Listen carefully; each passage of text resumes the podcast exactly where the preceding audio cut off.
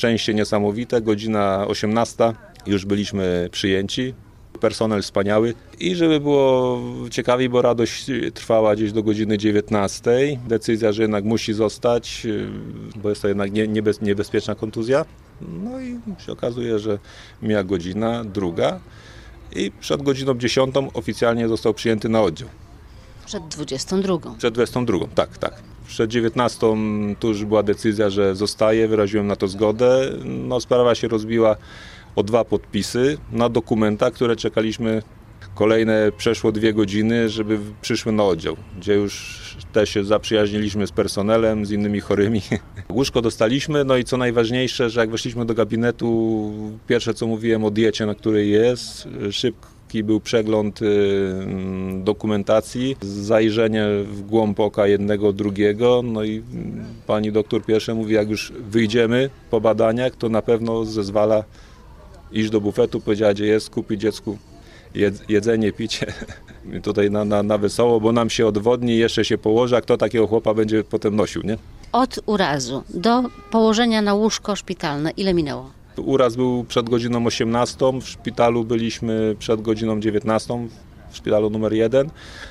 No i oficjalnie prawo do łóżka zyskał przed godziną 22, bo złożyłem dwa podpisy. Następnego dnia. dnia. Tak, ponad dobę. Procedury wszędzie są takie same, bo ewentualne położenie w szpitalu numer jeden musiałem podobne dokumenty wypełnić. Już w drugiej placówce wiedziałem na szybko, gdzie co zaznaczać.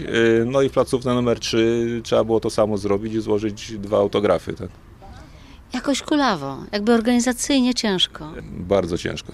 Już tutaj czekając też na wesoło było, pytałem, ja mówię, ale mówię, już dwa razy wyrażałem zgodę na leczenie, na te wszystkie narkozy, które mają być, na sposoby i tak dalej, bo już nawet, że tak powiem, część rzeczy się zdążyłem nauczyć, co tam w tych dokumentach jest napisane, no ale mówi, no jest inny nagłówek na papierze. Ja mówię, no dobrze, no ale mówię, nie, nie ja go wożę wozem drabiniastym, tylko jest transportem wewnętrznym, tak kartkami przewożony, czyli ciągłość leczenia według mnie. No ale jednak placówka, wie pan, no procedury, a teraz jeszcze weszło RODO. No, ja mówię, no cudowne RODO. Z tych Pana obserwacji, bo Pan miał dużo czasu na przemyślenia, to co wynika, że co można byłoby zmienić, co nie działa? Według mnie problem jest to, co już wiemy od lat, a gdzieś jest, e, tak powiem, zakłamywane, że jednak nie ma problemu z personelem, tak, ilość personelu. Nie może być tak, że jak jest coś e, złego, że się lekarze zbiegają na izbę przyjęć, bo też tak placówce numer jeden było powiedziane, widzi pan, tutaj pomogliśmy panu synowi, a trzy oddziały są bez obsady lekarskiej. To też mi dało, e, że tak powiem, do myślenia, że jest fatalnie. Miałem taki naoczny przykład, że to nie tylko jakieś mity miejskie, ale jest to naszą rzeczywistością, że jest, jest źle. A że w tabelkach dyrektorzy potrafią ułożyć, że według ich tabelek są piękne obsady na 102%, to nieprawda. To nieprawda. Ja też nie mówię, żeby na dyżurze serowskim było 30 lekarzy, bo nie wiadomo kogo przywiozą, ale serowski powinien być zaopatrzony i na każdym oddziale powinien być ten lekarz. Nie może być kolejna sprawa, bo to też jest od lat, bo tak jak mówię, się ze służbą zdrowia już miałem okazję spotykać, także się czekało na lekarza, bo lekarz dyżurujący operuje.